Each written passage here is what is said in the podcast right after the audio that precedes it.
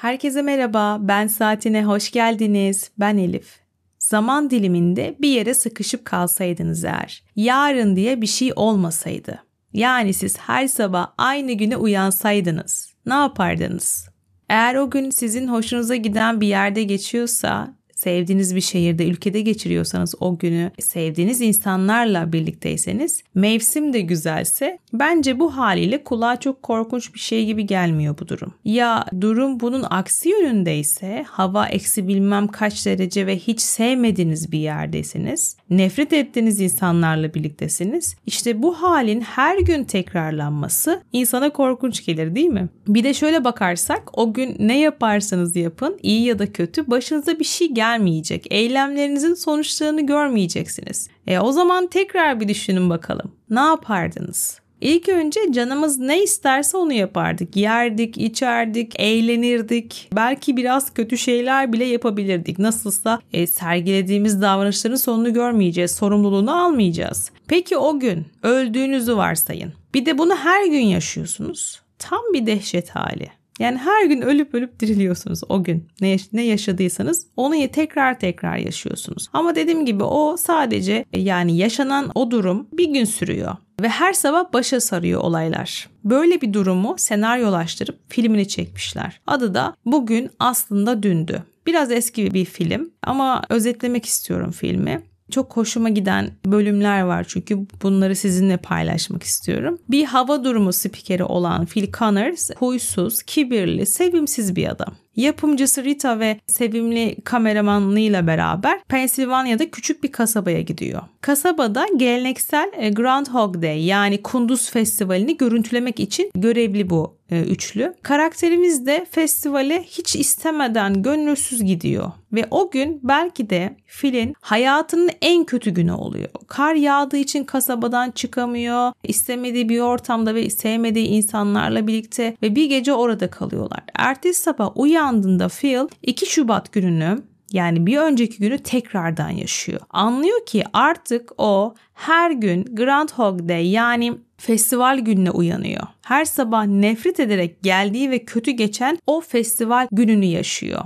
Adam o kadar kibirli ki yapımcısı ve e, kameramanı ile beraber hareket etmiyor. Hatta onlarla ayrı yerlerde konaklıyorlar. İnsanlardan da uzak duruyor. Zaten kendiyle de pek barışık birisi değil. Her sabah aynı güne uyandığını anlayınca ilk başlarda o gün cana ne istiyorsa onu yapıyor. İşte sağlığına zarar veren her şeyi yiyor, içiyor, para çalıyor. insanlara istediği gibi kaba davranıyor. Hani snob derler ya öyle bir tip. İzlerken de bize itici geliyor karakter. Başlarda sevmiyorsun yani. Hatta ben ilk başta filmi acaba izlemesem mi dedim. Yani bir, bir 10 dakika 15 dakika gitmedi film ama devam ettim. Sonradan çok fazla sarmaya başlıyor zaten insanı. Sonra ilk başlarda dediğim gibi istediği şeyleri yapıyor, para bile çalıyor ve o gün istediği kadınlarla beraber de oluyor her gün aynı güne uyandığı için kadınları tavlamak için bir önceki gün onlar hakkında bilgi ediniyor. Ertesi gün yine aynı günü yaşadığı için bu bilgilerle onları etkiliyor.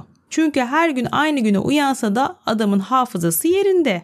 Diğer insanlar durumu unutuyorlar, tekrar tekrar yaşıyorlar ama bu adam yaşadığını unutmuyor. Zaten burası da can alıcı kısmı ya, onun unutmaması. Ama etkileyemediği tek bir kişi var. O da yapımcısı Rita. Onu bir türlü bu halleriyle kandıramıyor.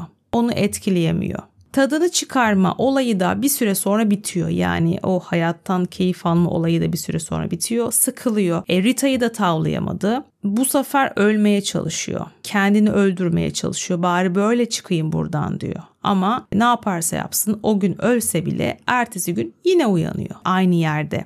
Ardından bütün bunlardan sonra durumu kabulleniyor ve değişim ondan sonra başlıyor zaten. Karakterimiz artık her sabah aynı güne uyansa da aynı şeyleri yapmıyor.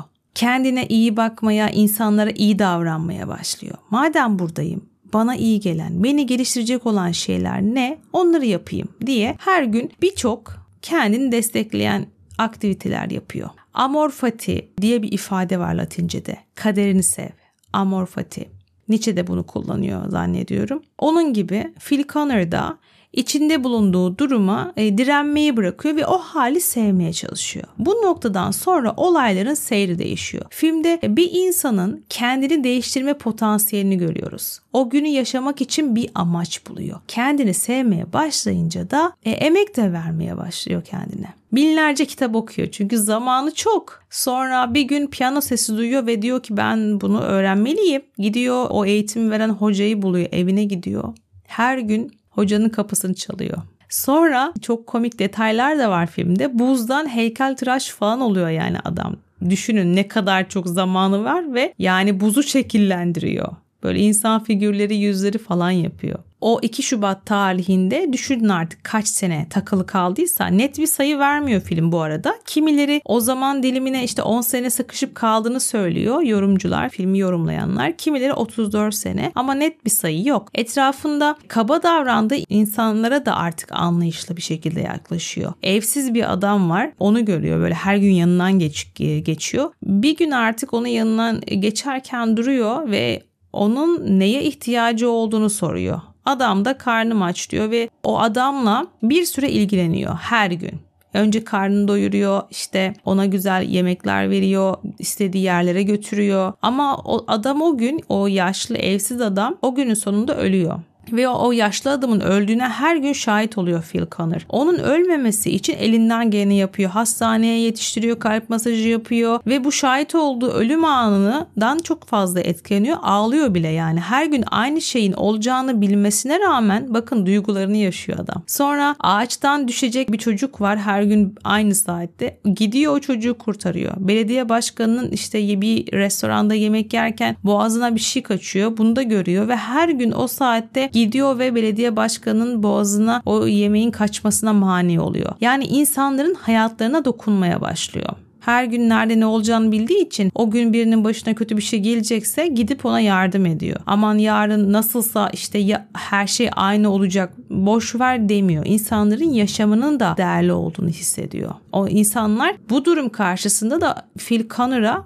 sempati duymaya başlıyorlar. Ve dolayısıyla bu yaşananlar da Rita'yı etkiliyor. Yani Rita artık adamı eskisi gibi itici bulmuyor onunla ilgilenmeye başlıyor. Şunu görüyoruz filmde. Dış dünyada gördüğümüz her şey kendimizi sevdiğimizde, kendimizde keyifli bir ilişki kurduğumuzda değişmeye başlıyor. Dış dünyada gördüğümüz şey. Gerçeklik yani. Çünkü kendimize beslediğimiz olumlu duygular dışarıya da yansıyor. Normalden biraz daha farklı davrandığımızda insanlar da fark ediyor bunu bir değişim var. Ana karakter yanında geldiği kameramanla hiç konuşmuyor böyle filmin başına sonuna kadar neredeyse. Filmin sonuna doğru da ise haline hatırını soruyor senin çocuğun var mı falan diyor. Çünkü değişiyor artık Phil Connor'a. Hatta ilk başta kendini sevmeyen bir adamdı. İşini de sevmiyordu. Her aynı günü o farklı şekilde değerlendirdikçe bir süre sonra aynı günü artık yaşamıyor. Burası çok önemli. Her sabah aynı yerde aynı saatte uyanıyor evet ama o değiştiği için davranışları ve düşünce şekli değiştiği için o gün içinde yaşadıkları da değişiyor. Olaylar aynı ama olayları yaşama şekli değişiyor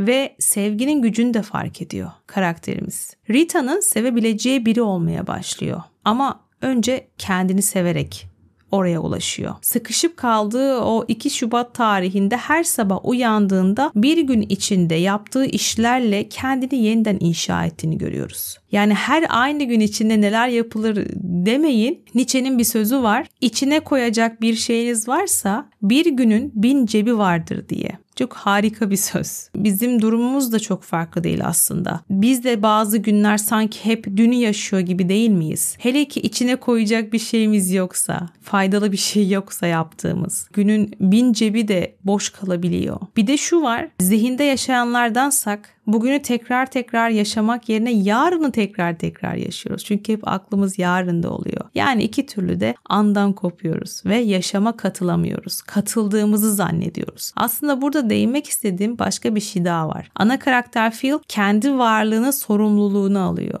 Buraya nereden vardım? Kendi varlığınız, varlığının sorumluluğunu almak. Engin Genç Tan'ın İnsan Olmak isimli kitabını okuyorum bu aralar. Hatta ikinci kez okuyorum. Bir bölümünde günlük hayatta da sürekli duyduğumuz bir kavramdan bahsediyor. Nedir bu kavram? Kendi varoluş e, sorumluluğunu üstlenebilmek. Ama bu buradaki kavram yani kendi sorumluluğunu üstlenme meselesi iş hayatındaki ya da ailemize karşı sorumluluklardan ziyade insana kendine karşı görevi olan sorumluluklardan bahsediyorum. Engin Gençtan'ın kitabında kaygı ve korkuyu anlattığı bir bölümde şöyle söylüyor. İnsanın kaygılarından kurtulabilmesi için tek yol kendi varoluş sorumluluğunu üstlenebilmesidir. Şimdi bu cümle öyle bir cümle ki insana böyle tavana uzun uzun baktırır. Yani kaygılardan kurtulmak için izleyeceğimiz yol, tek yol kendi varoluş sorumluluğumuzu üstlenmek. Yani her gün 9-5 mesaisinde insanlar işte ek- ekonomiyi ya da Dilan Polat'ı takip ederken, Twitter'daki gündemi takip ederken kendi varoluş sorumluluğunu oturup düşünür mü?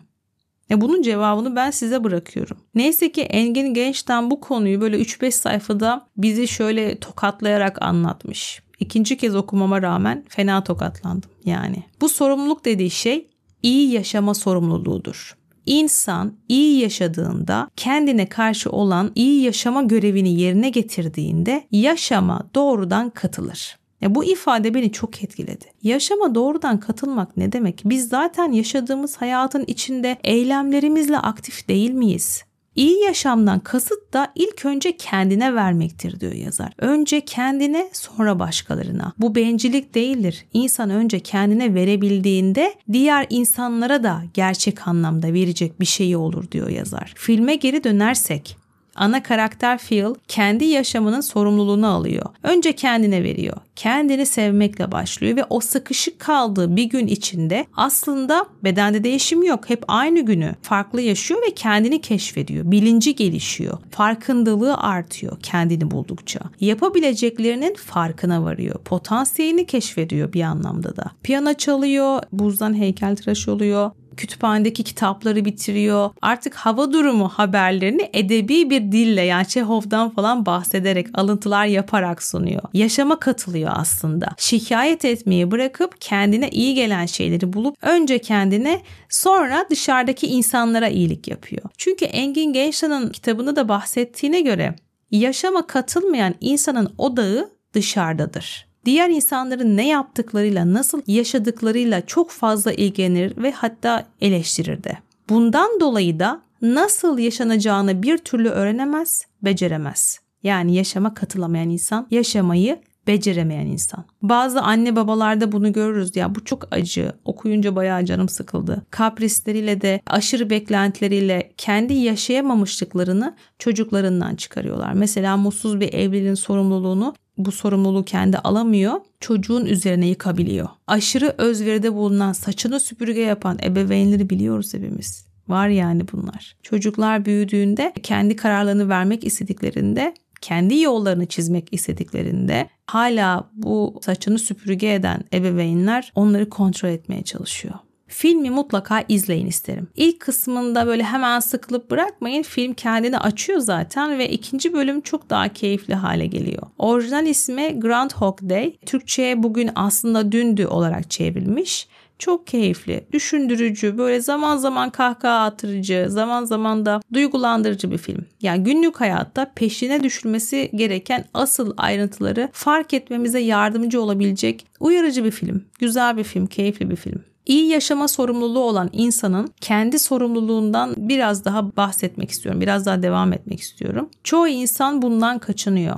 Mesela eğer işte babam öyle olmasaydı, eğer eşim öyle olmasaydı, eğer olaylar bu şekilde yaşanmasaydı hep beni buluyor zaten kötü şeyler gibi bu cümleler, bu ifadeler kullanılıyorsa biri tarafından bu şu demek oluyor. O kişi kendi yaşama sorumluluğunu almıyor. Sorunlarının sebebini hep dışarıda buluyor. Hep dışarıya böyle parmağıyla gösteriyor. Yani şunu diyemiyor. Ben ne yaptım da benim başıma böyle bir şey geldi? Ben nerede hata yaptım diye kendini sorgulamıyor. Analiz etmiyor. Yaşama katılmadan öylece kendi şikayetlerinin içinde gömülüp kalıyor.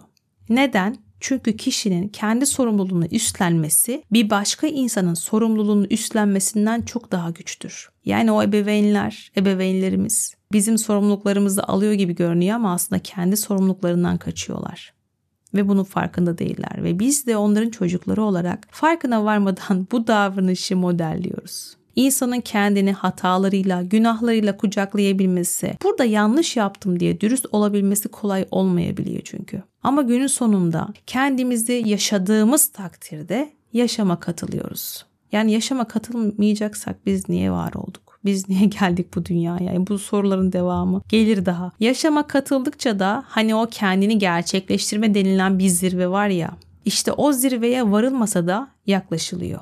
İyi yaşama sorumluluğumuzu üstlendiğimiz, yaşama katılmaya karar verdiğimiz bir gün olsun. Çok sevgiler, selamlar.